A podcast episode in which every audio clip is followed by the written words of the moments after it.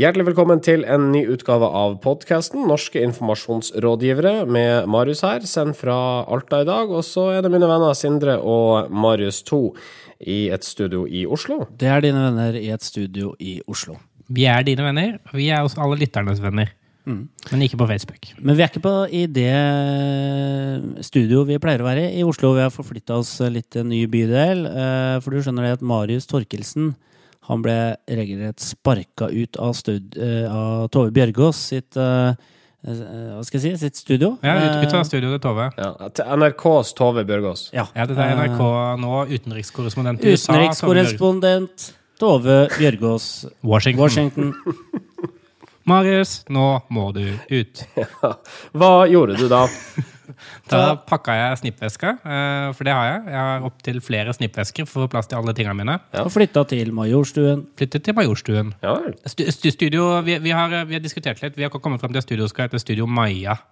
Eh, hvis noen har noe bedre forslag, eh, så håper jeg at dere ringer oss og forteller om det. Og vær så snill å gjøre det. Eh, la oss snakke om Gilde først, eh, som angivelig er i hardt vær pga. en reklame for kjøttpålegg. Eh, I filmen så ser du en ung herremann som sitter ved frokostbordet, og etter hvert så blir han flankert av to fnisende kvinner som setter seg ned sammen med ham. Eh, og så kommer da payoffen, Gilde kjøttpålegg, for de gode dagene. Og enkelte tolker dette som at de tre har ligget sammen, og ligging, det blir det jo bråk av. Ikke så veldig overraskende, så er det Dagbladet som er først ute og antyder det. Eh, hvis de kan lage sex i en overskrift, så gjør de gjerne det. Og her hadde de muligheten. For det er klart, eh, tre, to lettkledde jenter, damer, eh, som eh, omkranser en, eh, en gutt som nettopp har stått opp i en leilighet, det kan jo tyde på at det har skjedd litt av hvert på soverommet før frokost. Ja. Jeg, jeg, jeg, sy- jeg syns det er litt sånn kjønnsdiskriminerende av Dagbladet å bare anta at det er han gutten som eier leiligheten. har ikke tenkt på den inngangen på saken.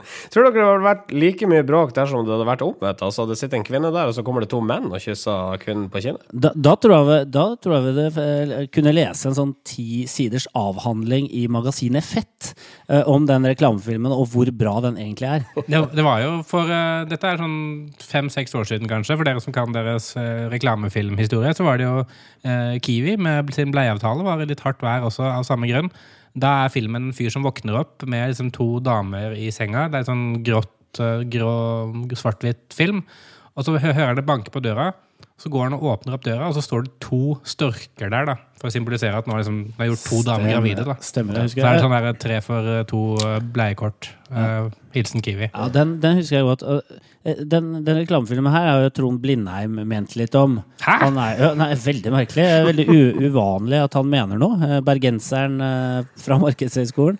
Eh, han eh, sier at han syns det er veldig rart at det her eh, Gilde gjør noe sånt som det her, for det er jo, de skal jo ikke støte noen. Eh, så de burde ikke gjøre det her, for de skal jo, de skal jo liksom lage kommunikasjon som til og med kristenspeidere eh, skal like. Og så sier han at han tror også kanskje muslimer kanskje heller ikke eh, vil synes dette er god moral. Og da tenker jeg servilat. Er ikke det Du Da skal ikke støte noen, selv de som ikke spiser produktet uansett. ja, Selv de som mener å spise servelat er synd, Ja. skal uh, like det. Ja. Altså Godt jobbet, Gilde. Ja. Um, også en liten tur innom bladet Tromsø, da, eh, som måtte evakuere alle ansatte, an, ansatte etter at en mikrobølgeovn tok fyr i redaksjonslokalene. Um, og det er jo godt stoff i egen avis. Ja, eh, vaktsjef Karina Hansen hun utkommanderte en litt sånn halvdårlig fotograf og en journalist til å lage en sak på dette her. Eh, og det fikk et oppslag da på itromsø.no. tromsø.no.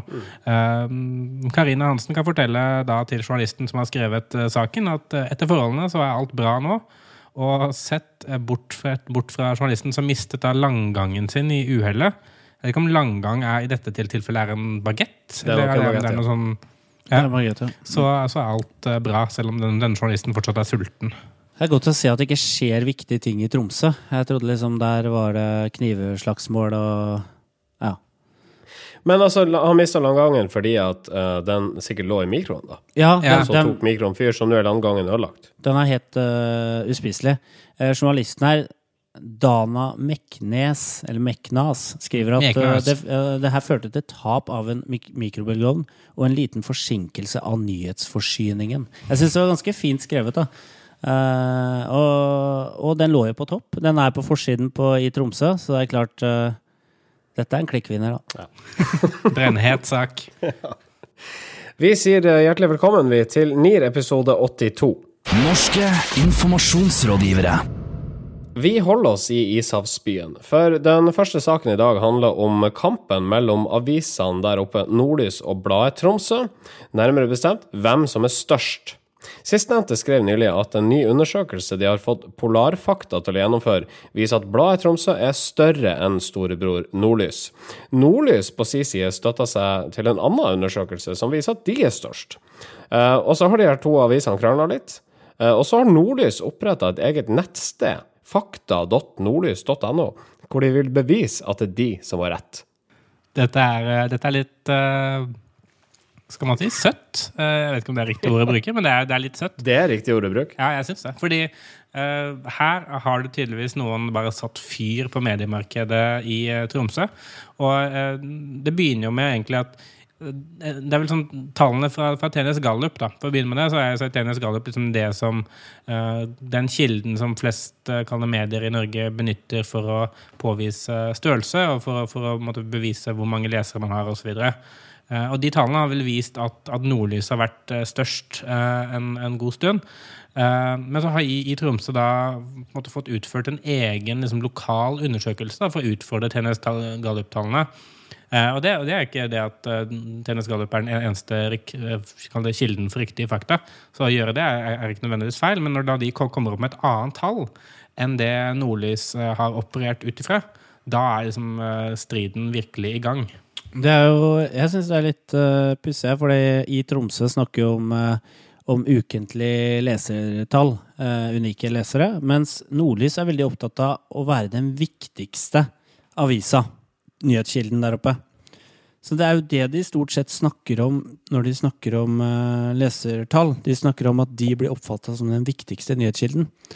Og det er ikke nødvendigvis noe motsetningsforhold. Altså, i Tromsø kan jo være størst, og så kan Nordlys være viktigst. Kan de ikke bare bli enige da, om at ok, dere får være størst, men vi er viktigst? Ja, Men de vil jo være både størst og både viktigst. Ja, men kanskje det, Vi har diskutert det her med sånn klikk-teasing før. At eh, Enten må man være størst, eller så må man være viktigst. ja, det det er jo ikke noe Ja. Og, og så syns jeg det er litt jeg synes jeg, ja, det er litt søtt, og så er det litt hyggelig òg at det fins en by i Norge hvor det er to aviser som faktisk eh, Ja, er like store, jevnstore. Ja. For det er vel ikke noen andre byer som har nummer to-aviser som klarer å hevde seg. De fleste nummer to-aviser dør jo. Så jeg syns det er kult, og jeg tror også faktisk begge avisene har godt av den konkurransen. da. Ja. Uh, all right. Eh, burde ikke Nordlys og Bladet Tromsø lagt fram sine, sine undersøkelser? Altså visst hvordan de metodisk har gått fram, hvilke spørsmål er spurt, og hvor mange er spurt om disse spørsmålene, slik at man kunne dømme dem på bakgrunn av dette, og ikke deres egne saker? Jo, det, det burde de, og det, det, har også, det er altså det Nordlys prøver da, med denne fakta.nordlys.no. For her legger de frem at undersøkelsen og litt sånn eh, spørsmålene osv. Og, så og så viser de til da, at eh, det er gjennomført 443 intervjuer av Infact Norge AS. Eh, altså det som jeg, som synes er interessant, det er måte feilmarginen de op op opererer med, da, som er 4 eh, og, så Når man da ser på at Nordlys Der sier 75 at de har besøkt Nordlys. Eh, mens eh, 64 sier, sier at de bør ha besøkt i Tromsø. Og når- man da har en feilmargin på 4% så kan man egentlig da trekke den begge veier. Da. Så man kan egentlig trekke 4% fra Nordlys og legge 4% på i Tromsø. Og ende opp med at begge ender opp på liksom 69-70 ish. Uh, og, og det betyr jo det at uh, egentlig er det ingen forskjell. Eller, eller det kan hende at det ikke er noen forskjell. For å understreke at det her eh, er en ikke-sak, det er en ikke-diskusjon, det er jo at eh, i Tromsø gjør et intervju med, med han eh, analytikeren i Nordfakta, som heter Gulbrandsen. Eh, og han sier at forskjellen er imidlertid for liten til å si at det er signifikant forskjell. Så at den, den, den vinkling, Det er ikke hold i den vinklingen Det kan du ikke stå inne for, da, den vinklingen som i Tromsø kjørte på første sak. Så sagt på en annen måte, jeg er ikke Altså, eh, Gulbrandsen kunne like gjerne, sagt jeg er ikke enig i måten dere har skrevet saken deres på. Det kan være at dere og Nordlys er like stor, Bladet Tromsø. Nettopp. Og det er jo prisverdig da i Tromsø. Og så la kilder som er uenige med dem, komme til ordet. Tror du de har vært klar over hva de har sitert han på? Nei, det tror jeg faktisk ikke de har. Tommel opp eller tommel ned for eh, mediekrangling i Ishavsbyen?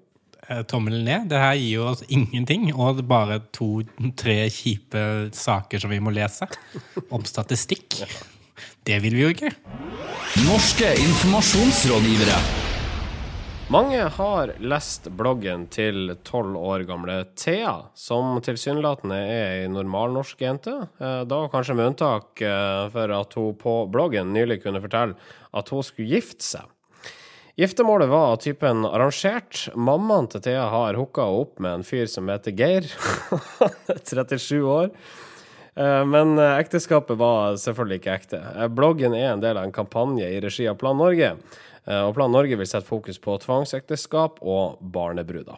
Ja, det stemmer det. Det er en uh, forseggjort eh, rosa blogg eh, hvor du kan følge Thea, eh, som er eh, ung og eh, full av skrivefeil, egentlig. Litt sånn naiv skrivestil har hun. Eh, men også veldig troverdig. eh, eh, språk, egentlig, og liksom poster. Eh, så der kan jeg følge hennes eh, eh, forberedelse til det bryllupet med denne her Geir, da, som hun egentlig vet veldig lite om, men som hun syns virker litt sånn voksen, da. For at han har jo skjegg, og han er jo eh, dobbelt så gammel eh, som henne. Tre ganger så gammel. Tre ganger så gammel, eh, for å være mer presis. Eh, men så viser det seg jo at eh, dette her er jo bare et uh, stunt. Dette er jo ikke ekte. Peggy eh, Simic Brønn på Handelshøyskolen BI, eh, professor, hun, hun er veldig kritisk til strategien som Plan Norge har valgt. Eh, For hun, hun syns at det er Uh, ukomfortabelt fordi uh, når det er en, uh, en faket situasjon, da, så kan man ende, ende opp med, en, eh, med å måtte miste troverdighet som organisasjon. og at måtte, kommunikasjonen man eh, utgir eller sender ut, da ikke lenger måtte stoles på. I utgangspunktet så er det et vellykka grep liksom for å vise kontrastene. At eh, jøss, har vi det sånn her? Eh, Dette kan vel En norsk jente kan vel ikke bli tvangsgifta, liksom? Bort. Eh, Men det er når det hele blir fake, da.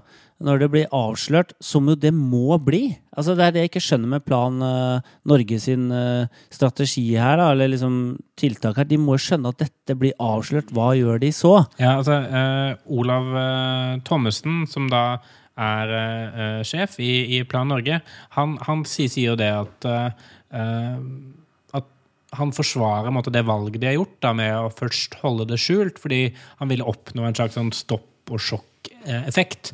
Eh, og så opplevde han da at de nådde opp, fikk til denne effekten veldig kjapt. Da, altså bare et par timer etter at bloggen var lansert så valgte de faktisk å da gå live med at, at det var de som står bak den. Og eh, jeg syns jo det er nesten litt sånn litt feigt, hvis man kan si det. For jeg, jeg, altså jeg, jeg skulle jo ønske at man i hvert fall kunne eh, hvert fall forutsett den, de, de reaksjonene man kom til å få. Hvis man først velger et sånt grep og ser at det her kommer til å bli upopulært, vi kommer til å få kjeft, noen kommer til å ringe barnevernet, for dette er jo potensielt sett eh, altså, Jeg tror mange forstår at det ikke var sant, men noen vil jo misforstå. Eh, også fordi de vil misforstå. Det hadde vært spennende hvis du hadde gjort sånn som du gjorde i Brasil med denne Bentley-kampanjen, hvor Ja, de dro sant? det Det så langt. De skulle dratt, de skulle faktisk eh, invitert til bryllup og, og sagt på, på, på kirkegulvet at, eh, eller hos presten at Nei, vet du hva? Jeg skal ikke gifte meg med han Geir. Han er jo tre ganger så gammel som meg. Er du gæren? Hallo, han er jo dødsgammel. det. Men dette er virkeligheten Hallo? for, for mange barn. Det hadde vært dødskult. Altså Hvis det faktisk hadde blitt et bryllup. Ja, stadig, Eh. ikke sant? Åh, Tenk så gøy det hadde vært. Stakkars Geir, tenkte jeg. Ja, Stakkars Geir, han blitt hata. Men altså, uh, nå må vi uh, konkludere her. Uh, er det en tommel opp eller er det en tommel ned for kampanjen til Plan Norge? Jeg mener det er eh, kreativ latskap, da, for det må gå an å lage en stoppeffekt uten å jukse. Uh, uten å ta snarveier. Så det er tommelen ned. Jeg tommel opp. Jeg synes det er smart. Jeg skulle bare ønske at de hadde trukket det lenger og invitert til bryllup og latt de dra på bryllupsreise og være gift i sånn ti år. Det var kanskje litt langt. Fram til hun var myndig, så var det Ja, ja. liksom ikke noe big deal lenger. Var ikke noe big deal lenger. Så kan man ta det på nytt igjen, og så kan, kan du bli mishandla, Geir, og så kan det bli en greie. Og så. Kan komme innom all, all tematikken. Ikke sant? ja. Hun kan havne på gata, så er det Ja, altså, fattigdomsproblematikk. og så blir hun gravid, og så må hun ta abort, og så blir det en greie. ikke sant? Sånn. At Vi kunne dratt det så langt. Og bli omskjært i en alder Ja, jeg vet ikke. Nå drar vi det for langt. La oss gå videre. Norske informasjonsrådgivere. Norske kommunikasjonsstudenter er lei av å jobbe gratis for å få relevant erfaring. Det skriver Frida Marie Grande på nettstedet prprat.no. Hun eh, anmoder nå PR-byråder og kommunikasjonsavdelinger om å tørre å satse på eh, fremtidas kommunikasjonshoder, ikke å bruke dem gratis gjennom internships. Ja, eh, Frida Marie Grande hun er vel leder for Kommunikasjonsforeningens studentforening i Oslo. Eh, og hun har skrevet et, eh, et eh, innlegg på denne bloggen til Kommunikasjonsforeningen som ofte er kjedelig, og som inn, innimellom er litt spennende. Vi har, vi har allerede kritisert PR-prat.no for å være kjedelig, eller det har vi gjort i tidligere sending. Det har vi gjort, og det måtte en student til for å mene noe kanskje som folk eh, hadde en mening om. Eh, og det hun, hun skriver, er det at eh, studentene blir om og om igjen fortalt hvor viktig det er med relevant ar ar arbeidserfaring og det å, å engasjere seg, og hvor viktig det er for å få en jobb senere. Og så opplever hun da sannsynligvis da med flere eh, fra både hennes studie og eh, involvert i Kommunikasjonsforeningen eh, studentlag, at, at PR-byråene og kommunikasjonsavdelingene de vet hvor liksom, desperate studentene er etter noe relevant å gjøre, og utnytter det litt. Og så kan man diskutere hvorvidt det er fakta eller om faktum eller ikke, men at studentene sitter igjen med en sånn opplevelse, er jo uheldig, syns jeg. Altså, det er, det er jo det, Dette henger kanskje sammen med at, uh, at det, det, er, få veldig store PR-byråer i Norge som har liksom or, ordna Eller hva skal jeg si Har type sånn program da, for internship, egentlig. Altså sånn et ordentlig mottak, et, en ordentlig ordning. Sånn som eksempel Skipsstedet har jo et talentprogram, eller har type sånn internship-program. Uh, og her er nok norske PR-byråer litt amatørmessig. Uh, for det er litt tilfeldig hvem man tar inn, kanskje, og man er kanskje Ja, kanskje ikke gir de godt nok betalt. Mm, men la oss se litt på det som uh, studenten her skriver.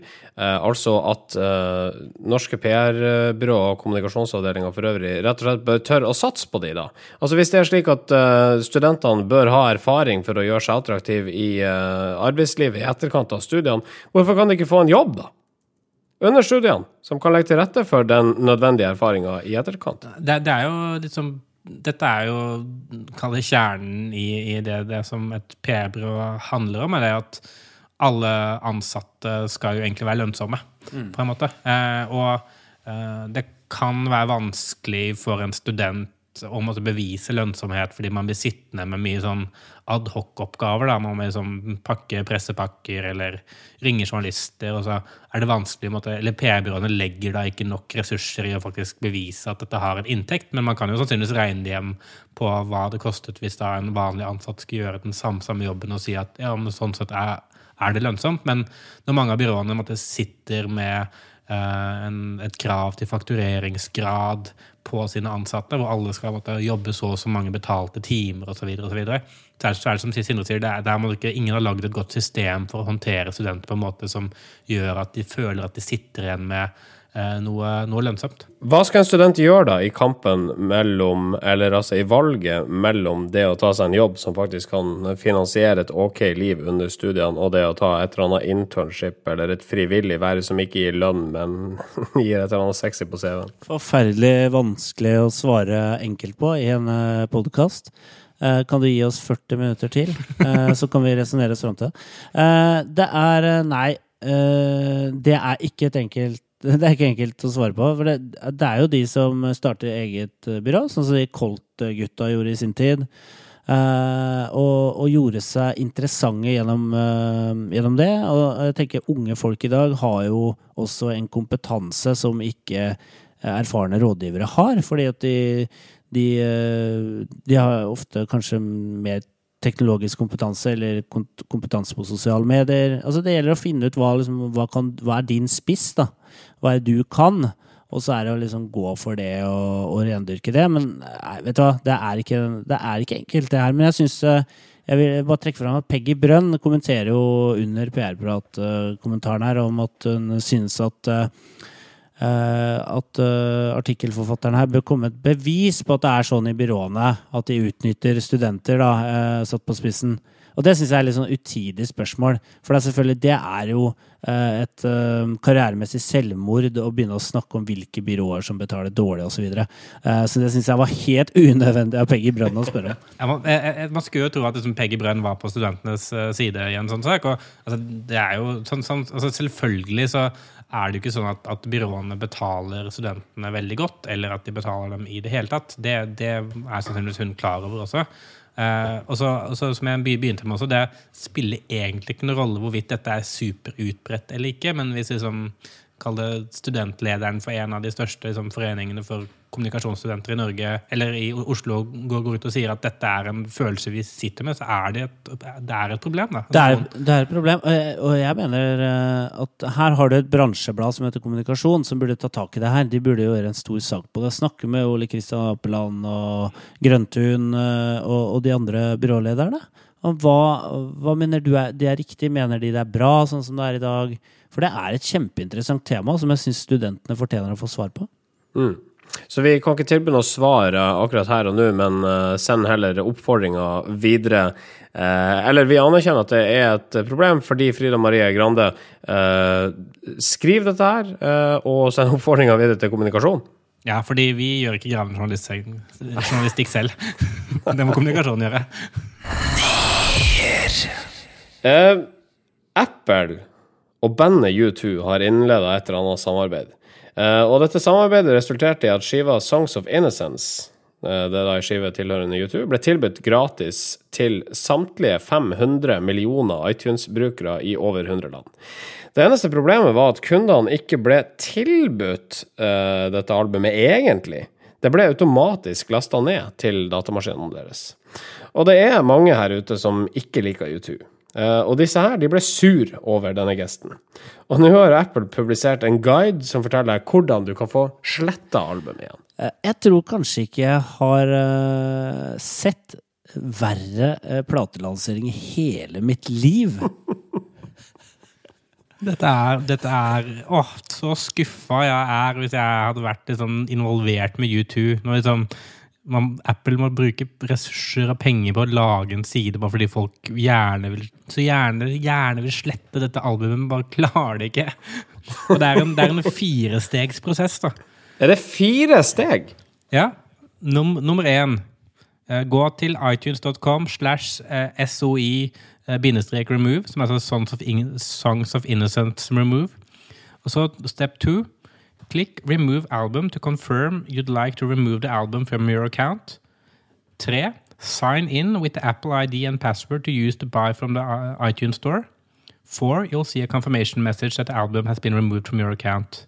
Og hvis du da har lastet ned til flere, da, så må du gå inn på hver enkelt og så, og, eh, og så fjerne dem manuelt fra mot hver enkelt device i tillegg. Da. Fordi hvis, du, hvis du bare først da fjerner eksempel, eh, sang, sangene fra Mac-en din, da, neste gang du da logger inn med din iTunes-side, så vil det automatisk bli lastet ned på nytt igjen hvis du ikke har gjort disse fire stegene først. Det er umulig å bli kvitt U2. Folk kommer jo til å ha U2-mareritt eh, over hele verden ja. framover. Det er jo det er et uttrykk som heter at eh, Særlig i Fredrikstad, der jeg er fra, så uttrykk som heter 'Jeg ville ikke ha hatt det om jeg så fikk kasta det etter meg'.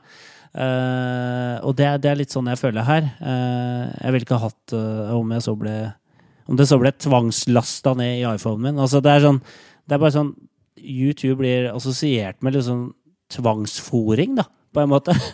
Men eh, altså, nå var det nå en gang slik at dette albumet her, det ble altså gitt gratis. Og så ble det gitt gratis til en 500 millioner brukere. Hvorfor er det enkelte som blir sint over å få noe gratis? Jeg, jeg eh, er litt sånn Jeg, jeg tror det bare at det er også litt sånn prinsipp da, at det er, sånn, det er litt hipt å også mislike U2, på en måte, for de er, de er jo ikke hippe, liksom. Altså, det, er, det, litt sånn, det er litt morsomt å kunne gjøre, gjøre et poeng ut av at man gjerne ikke vil ha det. Og så er det måte, de stemmene som da er flinkest på det, som også blir hørt mest. Jeg ser sikkert kjempemange som, som er veldig glad for det, eh, og som, som er da sannsynligvis også i kjernemålgruppen til til U2, som, som elsker U2 fra før. De har jo en stor fanbase og selger jo masse album. Uh, men det er bare det at når man får så mye måte, negativ presse rundt det, uh, så, så så er det sånn at man, man skaffer seg ikke noen nye fans. i hvert fall da. Altså De som uansett er fans, de, de er jo fornøyd, men man, man måtte støte vekk alle andre. Ja. Hvorfor ønsker uh, Apple å påtvinge folk uh, denne skiva her? Hvorfor kunne de ikke bare sendt en e-post til samtlige iTunes-brukere og si at uh, hei, vi har en gave til deg, hvis du ønsker, så kan du laste ned YouTube gratis? Det, det lurer jeg litt på også. Det er, det er jo helt klart noe nytt, og det er en ny type lansering. Altså, Platebransjen er veldig opptatt av å lansere plater på nye måter. Og dette er jo definitivt en ny måte å gjøre det på. Tvang, ja.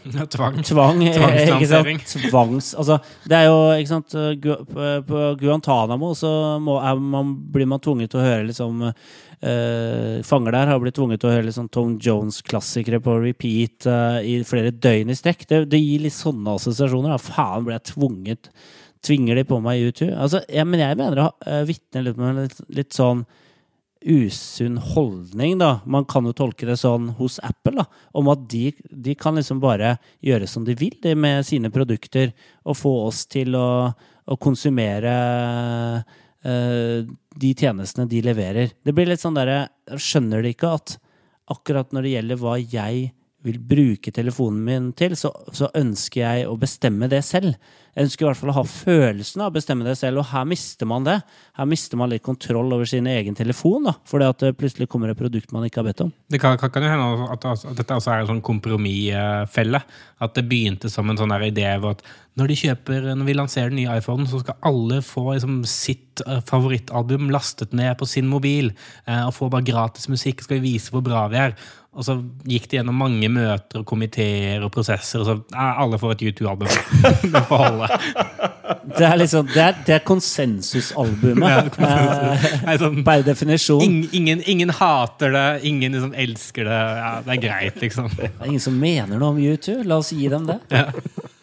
All right, skal vi uh, forsøke å ja, Og nå, jeg, jeg holder U2 utafor. Jeg føler det er rettferdig all den tid eh, de satt og forutså at dette her kom til å bli trøbbel, og lot Apple gjennomføre det. Eh, skal vi gi en tommel opp eller tommel ned for Apple i denne eh, saken spesifikt? Jeg, kaller, jeg vil kalle det et lite overtramp. Jeg vil gi tommel ned.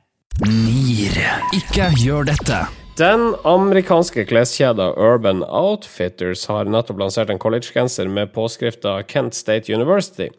Uh, genseren hadde dessuten røde flekker som kunne minne om blod, samt hull, og skal da etterligne skolegenseren eh, tilhørende universitetet eh, i 1970.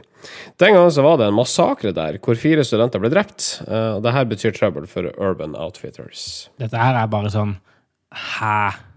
Hva er det dere gjør for noe? Unnskyld meg. Det, er, altså, dette, er sånn, dette føyer seg bare inn i når vi snakka om eh, eh, Sara Auschwitz-stjerner, og eh, vi har snakka om eh, eh, flere sånn type eh, tilfeller hvor, hvor ulike tekstilprodusenter har uh, lagd ting med uheldige Uh, uheldige symboler på. Og i de fleste tilfellene så kan man skjønne ok, det kan hende at det ikke var tenkt på. Og det er måtte den Urban Outfitters også prøver å dra her. Sånn, hvis noen føler seg støtt av, av dette her, så beklager vi det. Det var virkelig ikke meningen. Men selvfølgelig var det meningen. Ja, Altså, sånn- selvfølgelig var det meningen. En talsperson fra Urban Outfitters sier altså det var aldri vår hensikt å hentyde til de tragiske hendelsene som fant sted ved Kent State i 1970, men hvordan i alle dager skal noen tro på det når du eh, serverer en collegegenser med 1970-labeling og blod og hull? Ja, her, vet hva, det går bare ikke an å si at eh, aldri, at det, liksom, det var ikke det de tenkte. Eh, I så fall er det en ledelse i det selskapet her som er helt eh, I utakt.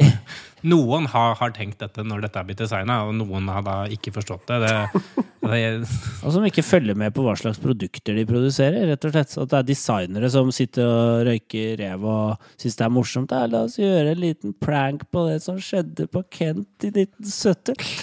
Eller at det var eh, vedkommende som designa den her. Han bare Hm, jeg laga en eh, replika av en genser, si sånn fra 1970, men så gjør jeg en litt kulere ved å putte inn eh, hull og blodflekker. Eh, og vedkommende visste oppriktig ikke at eh, dette her vil kunne fremstå som støtende pga. massakren der borte. Og så, en, så er det da en av sjefene som bare står i bakgrunnen bare Gosh! men ikke si noe. Ja, altså, jeg, jeg, jeg tror dette her er Kanskje da, at, det bare er noe som, som noen designere internt der har lagd bare sånn der, på kødd. Bare sånn, oi shit, det var litt drøyt, var, var det ikke det? Og så er det noen som har ledd av det. Og så er det noen som har plukka det opp. Dette, dette må vi produsere, dette, dette var kult. liksom. Og Så har de kanskje da ikke kobla de som har tatt ansvar for at dette skal rulles ut. Eller så har bare bildene blitt sendt til fabrikken i Kina. Og Ja, det kan ha skjedd. Ja, det kan ha skjedd at budet har kommet inn og Ja, bare ta de skissene ligger på bordet der. ja. Ja, på det bordet der. Ja, det bordet. Og så faen, det var feil. Det var ikke de skissene, for faen. Det har gått rett til produksjon og rett ut i butikk. Og liksom Men hvis det hadde vært tilfellet, så burde jo Urban Outfitters ha sagt det. Altså, det som skjedde, var at vi hadde noen som på kødd en gang laga de skjortene. Og vi skjønner at det ikke er morsomt for alle, men det var en intern spøk. Og så kom det en fyr og tok eh, skjortene fra feil bord. Han tok genserne, unnskyld, fra feil bord, sendte det til Kina, så ble det produsert, og vi oppdaget det dessverre ikke før de lå i butikken. Ja, vi har driti oss ut. Beklager. Ja. Istedenfor sier de jeg visste ikke at det var, at det var noe galt. Det var ikke mer, ja, hvis du ble støtt av det, så beklager, så beklager jeg det. Det var ikke vår intensjon. Så ikke gjør dette. Ja, jeg tror man, De burde bare slutte å lage klær. De har, de har klart å finne ut av dette her. For det, det går ikke. Ukas kudos. All right. Vi har vel gitt kudos til uh, folk og fe og uh, institusjoner og corporations uh, i hver eneste episode siden vi starta opp for snart to år siden. Kanskje med unntak av én episode. Jeg husker ikke hvorfor vi ikke gjorde det da, men det skjedde.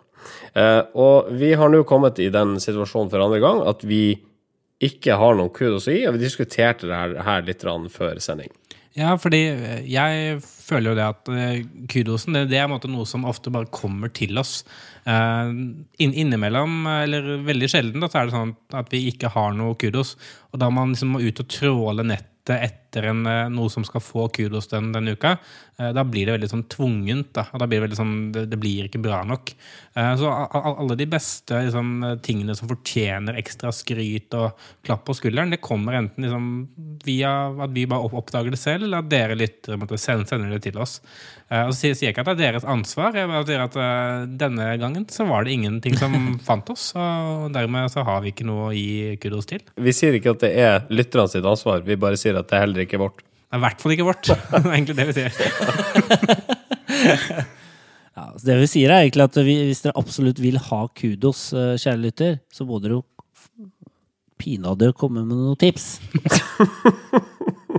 Nå er det litt tvetydig kommunikasjon fra NIR-panelet her, føler jeg. Nei, altså, vi, altså ok. Eh, det, er, det er ikke lytternes ansvar. I hvert fall ikke vårt. Det blir ikke noe kudos hvis ikke dere lyttere gir oss noe. Men det er ikke deres ansvar. Nei. Altså, Ansvar hvis vi ansvar. skulle ha gitt kudos denne uka, så måtte vi ha uh, laga en. Det vil si som, altså, gjort det som du beskrev her innledningsvis, Torkelsen. Altså, vi måtte ha tråla nettet, og så måtte vi ha funnet noen som vi tenkte sånn, ja, ja, vi kan alltid si kudos til det. Men da er det altså slik at altså, spalta blir et mål i seg sjøl. Men det er, ikke det, som er, det er ikke det som er vårt mål. Vårt mål er å rose noen som fortjener det, ikke å gjennomføre spalta. Det skal være gjevt å få kudos. Du skal, gå, du skal juble og, og klappe de ansatte i kommunikasjonsavdelingen på skuldra og si 'se hva vi fikk'. Vi fikk kudos. Ja. Det gjeveste du kan oppnå som PR-rådgiver.